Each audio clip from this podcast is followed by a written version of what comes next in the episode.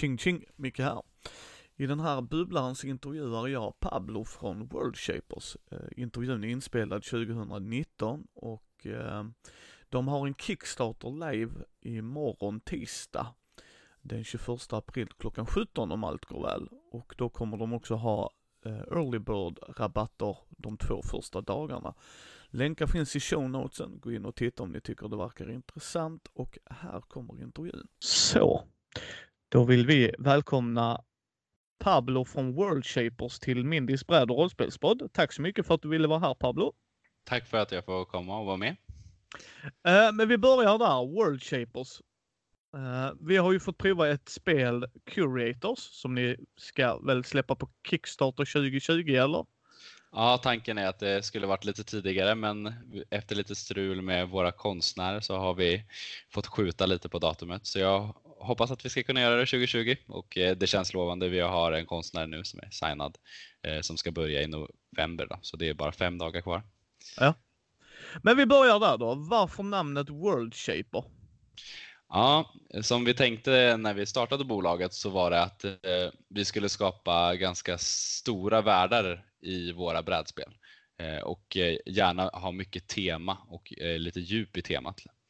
Eh, så det var en mening med namnet och sen hade vi en lite dubbel mening som var också att vi ville eh, vara eh, lite föregå med lite gott exempel och visa att man kan vara miljövänlig och på något sätt så tyckte vi att namnet även pekar lite på det. Då. Så vi ville försöka producera brädspel på ett miljövänligt sätt helt enkelt. Det är ju inte nödvändigtvis dåligt tycker vi i alla fall. Eh, men ni har gjort ett spel sen innan va?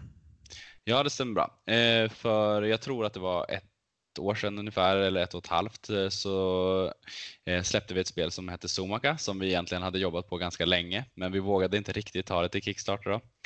Eh, och först hade vi en eh, misslyckad kampanj och sen så körde vi igen för vi ville verkligen göra det här. Och så lyckades vi göra en kampanj och vi tryckte tusen spel och de lyckades vi faktiskt sälja slut på, jag tror nästan sex månader. Så det har gått väldigt bra för det spelet, även om det kanske har passerat under radarn för de flesta. Det är mer av ett eh, partyspel än ett hobbyspelarspel kan man säga. Eh, om du går igenom där då, hur såg processen ut för Somaka då? Ja, där så tänkte vi egentligen, och det kanske var lite fel tänkt, men vi tänkte att eh, om vi gör någonting enkelt så kan vi testa hur det är att släppa ett spel eh, Eh, för att lära oss. Eh, och eh, Sen kanske vi kan börja släppa lite mer avancerade spel sen. Det får man väl se lite grann om det var rätt strategi. Lite sådär har vi fått kritik för att spelet är ganska enkelt och att det finns andra spel som liknar det spelet. Så, men samtidigt är det många som uppskattar spelet väldigt mycket och har köpt flera kopior och tipsar sina kompisar. Så det är lite, lite blandat där med vilken kritik det har fått. Då. Och processen gick väl till som så att vi tog ett spel som vi tyckte var roligt och sen så försökte vi komma på hur man skulle kunna göra spelet bättre. Och så eh, provade vi i flera iterationer då och ändrade regler och eh, eh hittade på lite egna saker. Och så gjorde vi även ett eget tema till spelet. Då. Och sen var det jag som satt och ritade en massa djur eh, som blev ganska platta och tråkiga. Men eh, en del tyckte att temat var väldigt eh, snyggt liksom, utfört och andra tyckte inte det. Men eh, det, var ungefär det vi hade råd med då. Eh, så vi hade väl tur att det, det, gick igenom Kickstarter för det var inte det mest spaciga projektet. Eh, nu med Curator så har vi ju anlitat riktiga konstnärer som jag var inne lite på. Och vi vill ju verkligen främja att att eh, stötta konstnärer och att eh, eh, se till att spelen ser väldigt bra ut. Det tycker vi är roligt. Så i framtiden kommer nog inte jag göra så mycket av det. Men då, då kan du berätta lite vad, vad Go World eh, Sumac går ut på? Eh, Sumac går ut på att man bygger upp eh, ett zoo och det är väldigt mycket take that. Så om man inte gillar det så är det in, absolut inte ett spel för dig. Eh, i annat fall så är det ganska roligt då. Om man gillar Take That så är det ett väldigt bra Take That-spel som kanske passar bra på, eh, på en pub eller sådär. Eh, och det är ett lite elakt spel men det är också kul för man kan alltid komma igen eller man ska säga så man känner inte att man åker ur spelet. Och man bygger upp sitt kort, eh, sitt zoo som en tablå ungefär eh, där man placerar eh, olika djur i, i färg och försöker samla set. Eh, och om man lyckas samla fyra set så får man då öppna sitt zoo och då vinner man spelet. Härligt! Om vi går på det spelet jag har spelat. Mm. För vi provade Curators här, jag och min kompis Fredde. Eh, jag kan säga att vi har bara spelat det på två. Men om du börjar där, vad är Curators för typ av spel? Ja, det är väl en blandning av typ euro och tile placement på något sätt. Och sen har vi ju en, inte kanske helt unik, men ändå lite nyskapande action selection mekanism som går ut på att man har ett antal tokens som man flippar för att välja vilken action man gör. Och det här betyder ju då att när man flippar dem så får man en ny action upp. Eh, och där har vi lekt lite med det också då att man kan vara effektiv på olika sätt genom att man kan göra så kallade double actions. Och det man gör i spelet är att man bygger upp ett museum med tiles och där ska man också försöka få lite pattern matching. Så man ska bygga vissa former och färger. Och sen blir det lite euro av det hela, att man behöver eh, vara liksom sparsam och eh, tänka över hur ska jag utnyttja mina drag på bästa sätt. Ja, hur såg reglerna ut?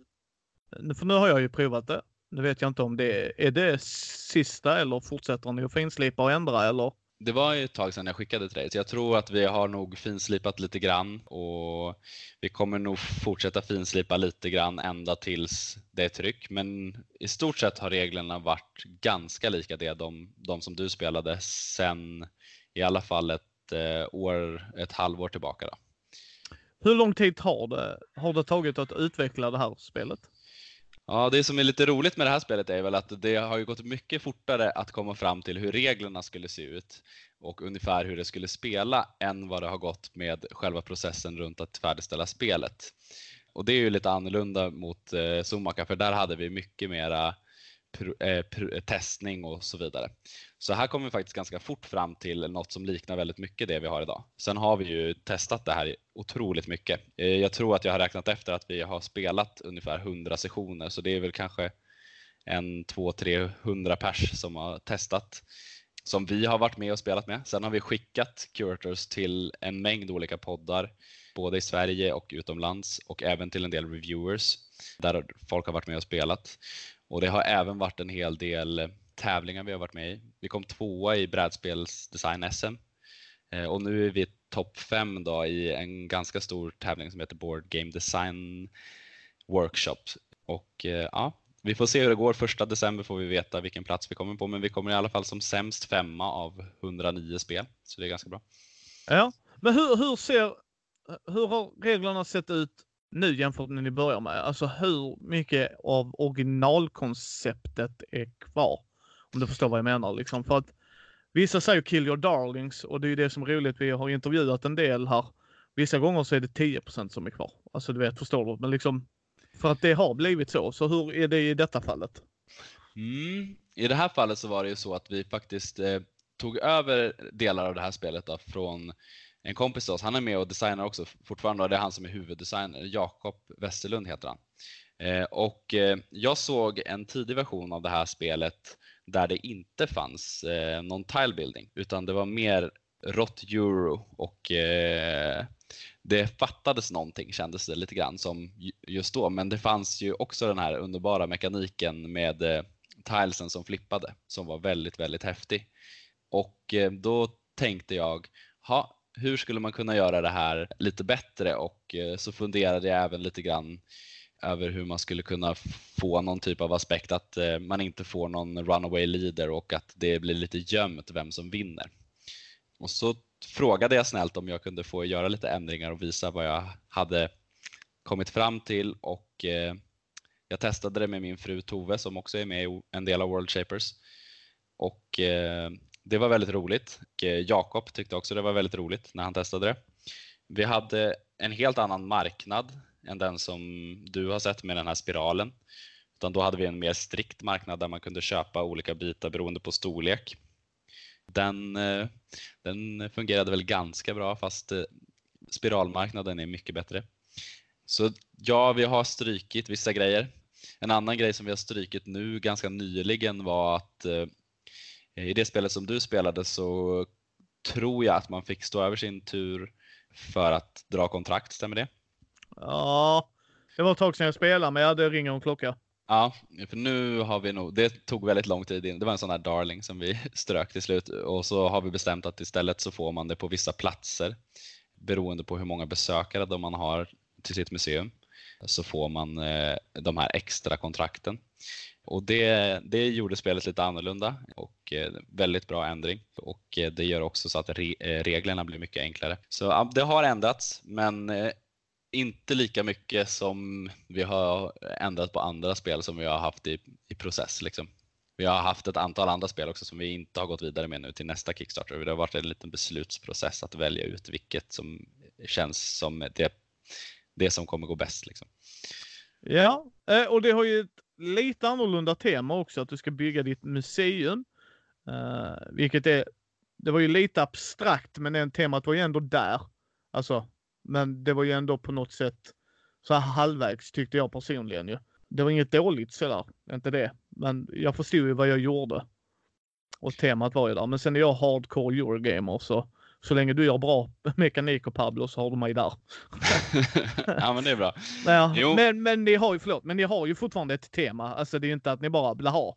Men hur kom ni fram till just det här temat? Ja, det var lite intressant. Det fanns eh, faktiskt redan i spelet från första början när Jakob började och jag misstänker att han ha, hade det för att han tycker att det är väldigt kul med museum. Han gillar lite så här äldre saker och man kan se på honom att han verkligen stormtrivs när han har på sig någon så här lite äldre hatt och sådär. så jag, tror, jag misstänker att det var, han gillar det väldigt mycket och eh, jag, när jag såg att det var museumtema så var jag så här snabbt in på Board Games Geek och bara hur många andra museumspel finns det? Så bara, ja det finns ett. Jaha, fan vad bra. Det, det är ju mm. som mm. liksom en öppen marknad här kanske. Nej men, nej men jag tyckte att det kändes som att eh, det måste ju gå att göra någonting roligt runt museum. Liksom. Det är ju väldigt kul med museum. Så vi, vi tänkte väl att ja, men det, det är superbra. Vi behöver inte byta tema på det här. Vi försöker fördjupa temat istället. Och det var ju så vi kom fram till en del av de här, ja men till exempel att man bygger flyglar och att man eh, försöker få lånekontrakt och sen har man en kö med besökare som växer hela tiden och sådär. Rollerna var nog inte helt klara eh, när vi började och det känns också som att det liksom det sitter som ett smäck nu liksom med temat med rollerna på de brickorna och det hjälper en att förstå reglerna väldigt mycket har vi märkt. Att, mm, att man kan relatera till att okay, men det här borde den här personen göra ungefär som har det här yrket. Så därför så förstår jag lättare att ja, men om jag flippar arkeologen så får jag hämta hem objekt till exempel. Ja, och sen mekanikerna då. Vi har, ni har ju lite olika. Det är tile placement, hur man bygger det. Uh, och sen samtidigt som att man kan, som sagt, att flippa och göra, kunna göra två action samtidigt. Liksom dubbelgrej. Det är också rätt intressant ju. Mm. Men hur, hur har det sett ut? Så du sa, ni, du la till grejer men någonstans måste man ju ändå tänka, när du provade hans idé så hade du ju, om jag förstod dig rätt här, tydliga, det här vill jag lägga till. Mm. Uh, och hur såg den processen ut liksom? Alltså, det som saknades i början med, jag tyckte att den här mekaniken med, med vet du, tilesen och eh, eh, double actionen var väldigt, väldigt intressant för jag hade inte sett något liknande så det kändes direkt som en sån här unik grej eh, som man gärna vill ha i ett spel. Eh, och sen så tänker jag väldigt eh, mycket så här, men hur gör man ett spel som är bra för många liksom? Och, eh, en grej som var lite off med den första varianten var att endgame conditionet var ungefär att nu vann den här spelaren. Och det brukar kunna vara lite trist för då kan det lätt bli så att, man, att det blir lite kingmaking. Man ser att den här spelaren snart kommer vinna och då försöker man stoppa, alla stoppa den eller eh, sådana grejer. Så jag ville introducera något element som gjorde att man kunde hemlighålla eller åtminstone inte göra det lika tydligt vad eh, ställningen var. Samtidigt som jag vill ju inte att det ska vara ett orättvist moment. Eh, och så föddes väl de där lånekontrakten lite grann. Och tile placement kändes som att det passade väldigt bra in i temat. Och det var också lite av den andra grejen som var lite eh, quirky med den första varianten. För då fanns det egentligen bara en eh, sorts tile. Och då byggde man sina rum, men de hade egentligen inte så stor effekt och jag ville att det skulle verkligen synas när man byggde museet att titta, vi har byggt väldigt olika. Vad beror det på Eh, hade vi olika, eh, olika mål i spelet och att man skulle kunna testa lite grann vad som blir optimalt, att det skulle vara ett lite specialt pussel. Eh, så, så föddes väl den delen också då. Att, att jag ville att det skulle synas mycket på bordet att man har byggt någonting när man var färdig. Liksom. Så man kan ha roligt även om man, det kanske inte går så bra. Ja, och sen har vi ju då illustrationer. Och det är ju på något sätt väldigt, väldigt viktigt även för mig som Eurogamer. Alltså även om temat kan vara påklistrat eller att det inte är så djupt som i ett Ameritrash. Så illustrationer för mig väldigt viktigt också. Varför kan inte spel vara snygga? Punkt. mm. Eh, så är det ju. Men det är ju inte bara att det ska se bra ut. Vissa människor, ja men jag klipper in snygg konst. Sådär. Ja, men det passar ju inte på ett kort. Jag ser ju inte vad som händer. Kortet är jättesnyggt men det är inte funktionsdugligt eller brickan eller du vet vad det må vara. Hur har era tankar varit där ju? Ja, jo men eh, det som vi har tänkt här är väl att vi, vi vill att det ska vara vi fokuserar väldigt mycket på att det ska vara användarvänligt och det är både med färg och eh, liksom storlek på komponenter, eh, tjocklek på komponenter och så vidare. Eh, sen är det ju så här när man skickar runt prototyper och så där så kan det ibland vara så att man får skicka, vi sitter ju ofta och klipper för hand då och det är också en del i det här med att vi vill vara miljövänliga. Men eh, där blir det kanske inte alltid samma kvalitet. Men när vi väl trycker så vill vi alltid att liksom, vi har testat typ eh, till exempel rutornas storlek på de här eh, museumflyglarna som man bygger. Där har vi testat liksom från 2,5 till 4 centimeter för att eh, i typ eh, halv och eh, ja, nästan ner på 0,25 centimeters nivån för att se liksom vad känns bra i handen och vad får plats på bordet. Eh, Sådana grejer. Färger och sånt där har vi ju försökt att eh, göra så tillgängliga som möjligt. Att, att alla som spelar ska kunna särskilja färgerna. Eh, och det har vi fått backning på några gånger till och med. Men eh, vi, vi försöker hela tiden eh, göra så att det blir mer kontrast då i sånt fall för de som har problem med det här. Då. Och att man även erbjuder former istället för färg eller kanske mönster. Så vi försöker alltid göra så gott vi kan för att så många som möjligt ska kunna spela spelet utan några större hinder. Sen är det ju också så här att vi tycker att en stor del av marknadsföringen är att spelet ser väldigt bra ut på bordet och att eh, man blir glad av att bara ta fram det och bygga lite. Eh, liksom nästan så på den nivån att det ska nästan vara så att man bara kan ta fram det och bygga och så bara ah, kolla vilket snyggt museum jag har byggt. Så därför har vi försökt satsa på att eh, hitta riktigt, riktigt duktiga konstnärer. Och där är det ju då ett, eh, lite av ett så dilemma då att eh, ja, då kostar det ju ganska mycket. Så då får man ligga ute med rätt mycket pengar. Eh, så vi har haft många förhandlingar med konstnärer och eh, nu har vi äntligen hittat en som, eh, som både är duktig och som har ett bra pris och som faktiskt verkar kunna slutföra projektet. Vi har haft lite problem med brutna händer och lite allt möjligt faktiskt. Oj då, oj då. så, så ja, jag hoppas det ska gå bättre den här gången. Vi, borde få se resultat innan slutet av december och troligtvis om man går in och följer oss på Facebook så kan man se eh, löpande eh, lite grejer. Vi brukar släppa ganska mycket av det som händer. Ja, och det är nice. Det är nice. Jag kommer länka detta i show notesen också om du vill följa er där ju. Sen har vi ju regelbok. Jag kan inte understryka det här gott folk. Hur mycket jag hatar en dåligt skriven regelbok. Det är jätteviktigt att man har en bra skriven regelbok. Av den enkla anledningen att jag vill inte sitta och tolka regler. Utan jag vill sitta och läsa regler till ett brädspel. Jag har ett praktexemplar, jag har tagit upp detta i podden några gånger. Eh, Vlado Chovatol är en väldigt intressant individ. För om man spelar Through the Ages, A Story of Civilization Game, så inser man att det är ett väldigt tungt Eurogame. Men det är en pissdålig regelbok. Det är en riktigt avskyvärd regelbok. Det tog min polare 10 minuter. Sen tittar han på mig. Jag är arg nu. Jag har inte hittat regeln på 10 minuter. Så för oss är det väldigt viktigt. Det, och jag kan tänka mig som speldesigner också Pablo, att man vill ju att folk ska komma igång med spelet. Alltså att det ska vara funktionsdugligt. Så hur är dina tankar där? För jag menar, förlåt, alltså vi spelade Dinosaur Island igår.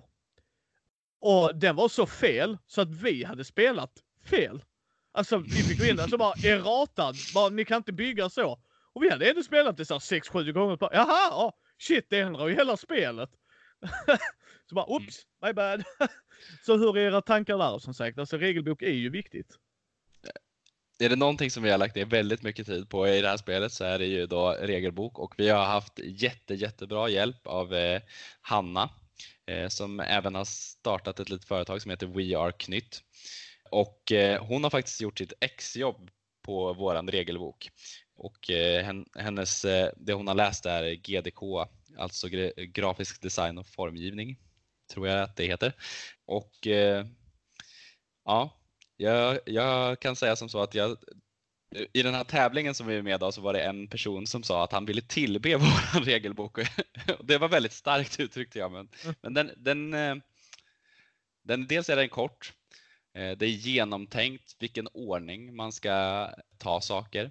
Det finns en väldigt, väldigt eh, bra setup-sida där man kan se på sidan hur det ser ut eh, på bordet samtidigt som man kan se stegen eh, på högerkolumnen.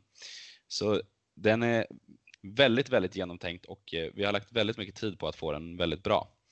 Vi har även också liksom under reglernas framväxt lagt väldigt mycket tid på att formuleringarna ska vara både eh, korta och eh, informativa och att upprepningar ska i princip bara vara för att förtydliga. Liksom sådär och sen, samtidigt också många bra exempel. Och sådär. Så vi tycker verkligen att det är superviktigt och vi är verkligen superstolta och jättenöjda över den regelboken som vi har fått till. Eh, om lyssnarna vill kika på den eh, och inte tro mig eh, så får de väl, eh, väl komma in på vår Facebook-sida så, så kan de fråga mig så skickar jag så får de titta en liten sneak peek. Eh, så. Ja, Nej men det är härligt. Som sagt, det är klart fel kan hända. Det köper jag också. Men han, hans var vedervärdig.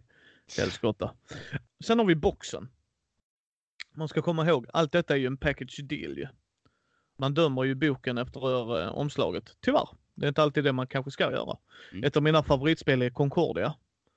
Det är ju inte en sån lockande, liksom, hon bara haha, vill du byteshandla i Medelhavet? Ah, mm. vill jag verkligen det? Och sen testar man spelet. Ja, det vill ni. Gott folk, det vill ni. Tro mig.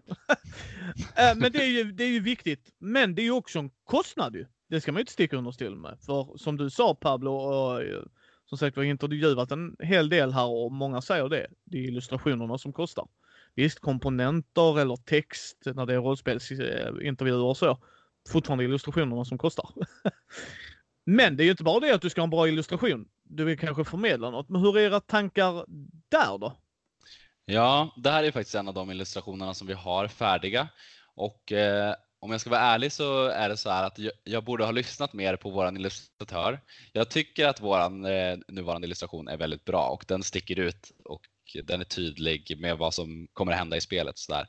Men man skulle kanske kunna haft lite mer action eh, i illustrationen och det det ångrar jag mig att jag inte lyssnade mer på min illustratör tidigare, för nu är det ju som sagt då, det kanske lite för sent på grund av ekonomiska skäl.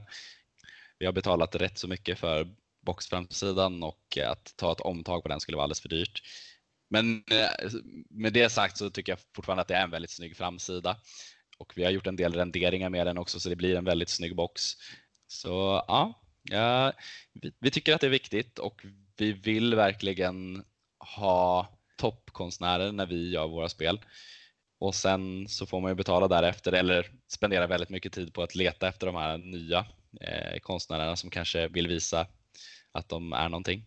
Så, så det är svårt men jag tror att vi eh, för det här spelet så kommer det se väldigt bra ut och i framtiden så har vi lärt oss väldigt mycket om hur man ska göra det på ett lite bättre sätt eh, när man letar efter konstnärer och eh, jag tror det kommer bli lättare framöver också i takt med att företaget växer så tror jag att det kommer vara lättare att spendera mer pengar på illustrationer också. Ja, för det, det är ju viktigt som sagt. Det är ju, det är ju framsidan som säljer. Tyvärr, tyvärr kan man ju säga, men det är ju det. Jag menar, nu, återigen, jag är ju hardcore Eurogamer så att för mig är mekanikerna viktigast. Men även jag dras ju till, oh vad intressant. Eh, liksom sådär och, och det, det är rätt intressant att höra det. Men ni skulle ju gå via Kickstarter. Ni har kört en Kickstarter sen innan ju. Så hur är era tankar där? Varför har ni valt Kickstarter för era projekt? Ja, en stor anledning är ju ekonomi och eh, vi driver ju det här som en eh, sidoverksamhet just nu. Det skulle vara väldigt kul att man, om man kunde göra det på heltid. Eh, men just nu så är det eh, en hobby slash sidoverksamhet och eh, vi tar ju redan nu ganska mycket av vår privata ekonomi och investerar i de här spelen med förhoppningen då att man kanske ska kunna nå break-even någon gång. Och eh, ja, Kickstarter är väl i princip det enda sättet, eller andra crowds eh, plattformar är väl det enda sättet vi kan få in pengar i förskott så att vi faktiskt kan göra ett tryck. Ett tryck av det här spelet kostar väl i runda slängar kanske 200 000 och eh, det beror ju såklart på hur många man trycker, men, eh, men eh, någonstans där och det är lite mycket att lägga ut det med som privatperson. Så det är, är väl den största anledningen. Sen så ser vi också väldigt många fördelar med plattformen. Även om det finns de som tycker att eh, Kickstarter eh, så är det bara massa figurspel eller spel som ska vara väldigt hypade men kanske inte så mycket substans så finns det också väldigt många bra spel som släpps där och det är en väldigt bra marknadsföringsplats. Så det, det, är väl, det är väl en av anledningarna. Sen är det ganska roligt att driva en kampanj också. Man får kontakt med många människor och vi behöver ju bygga nätverk så det är också superbra.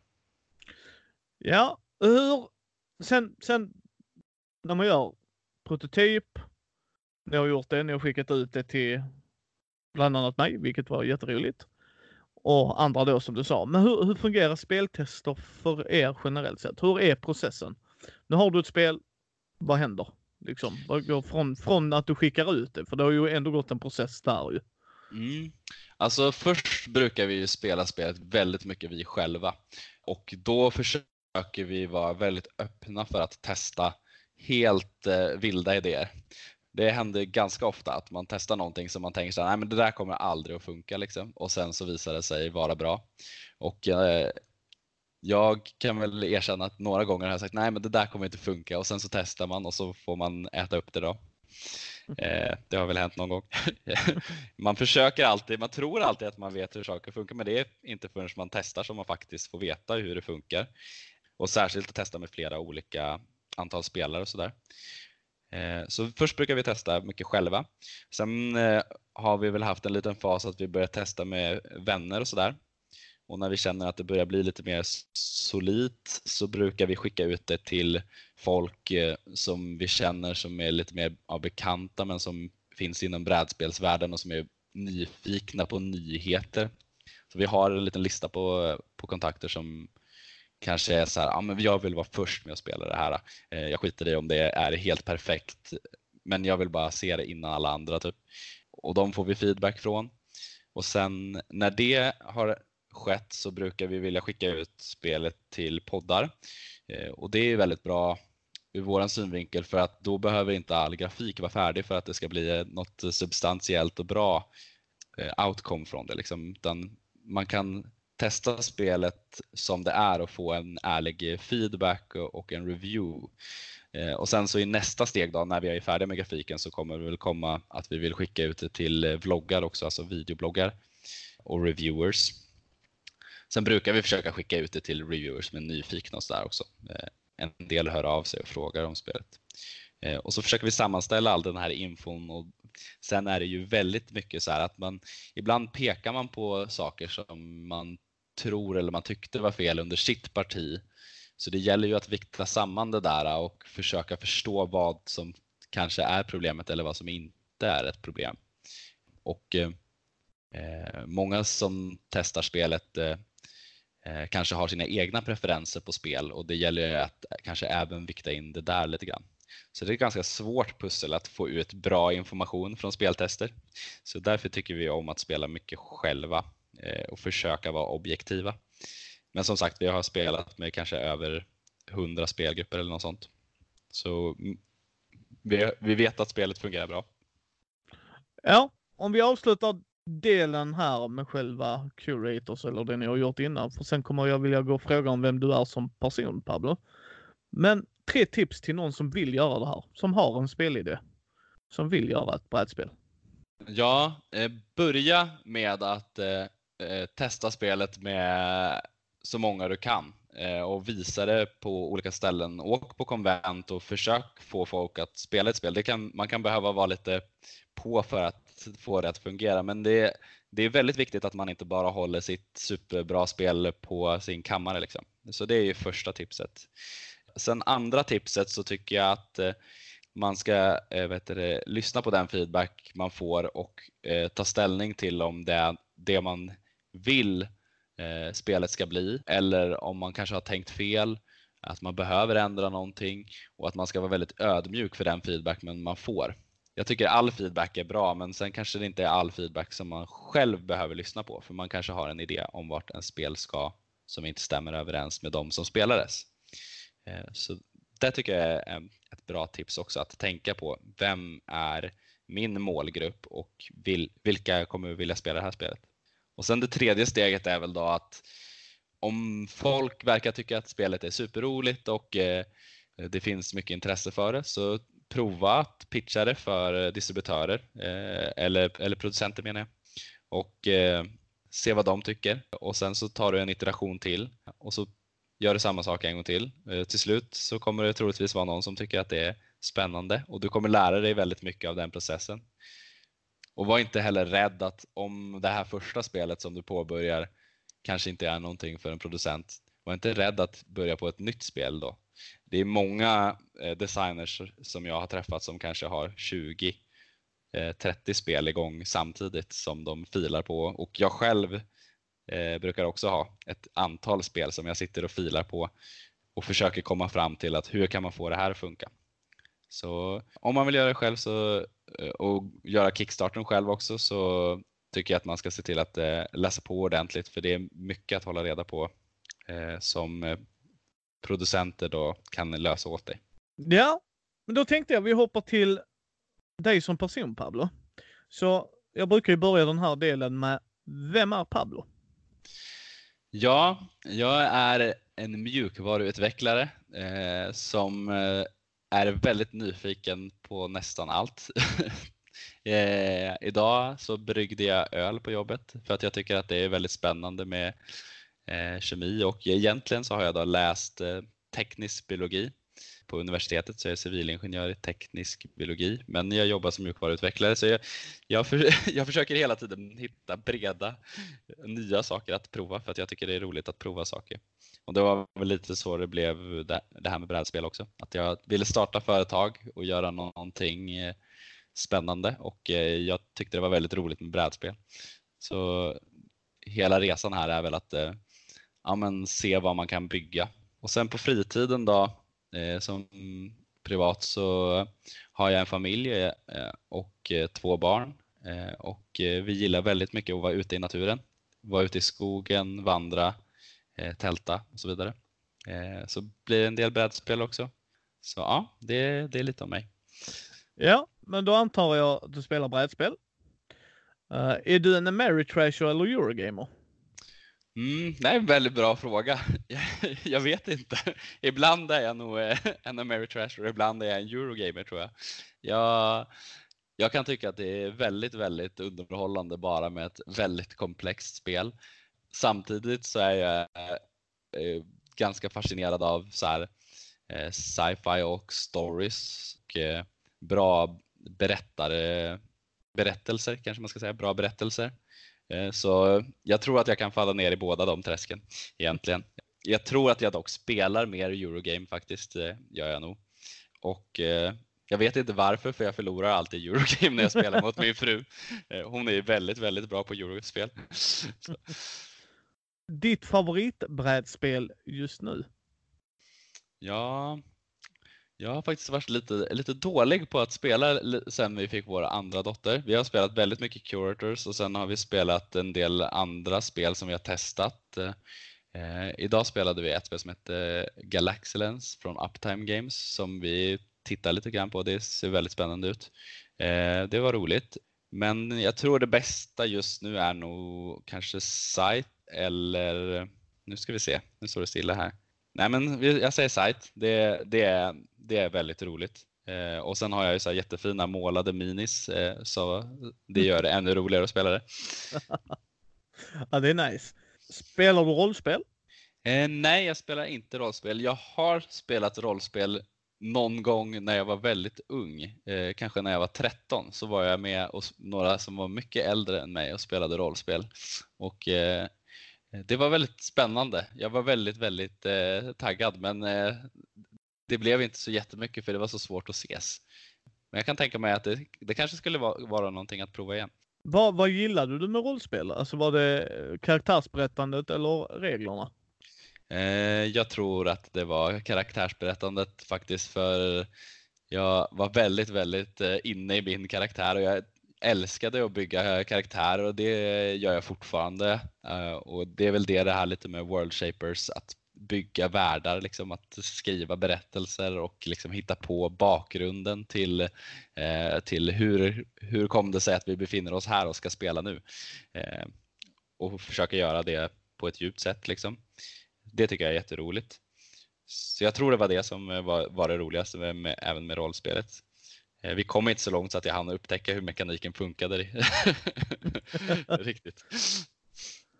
Men om vi avrundar här så jag inte tar hela din fredagkväll. Vad är det som är bäst med vår hobby, Pablo?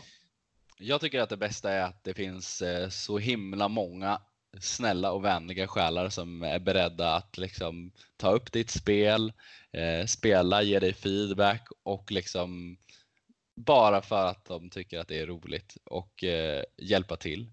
Eh, det tycker jag är väldigt underbart och eh, det är också så att alla brädspelare jag har träffat är väldigt inkluderande. Det tycker jag, det tycker jag nog är det roligaste. Ja, det är något vi på Mindy proklamerar. Man ska inkludera folk, inte exkludera folk det är en underbar hobby vi har. Det har räddat mitt liv. Um, så att det håller jag helt med dig.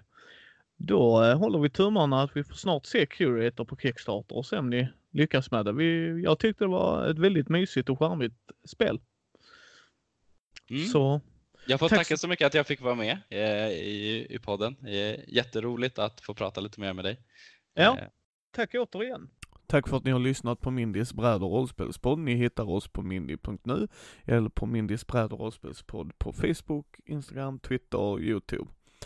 Eh, känner ni att ni har en slant över, gå gärna in på vår Patreon och se om ni vill donera. Vi vill gärna att ni ger oss betyg på Facebook eller på iTunes.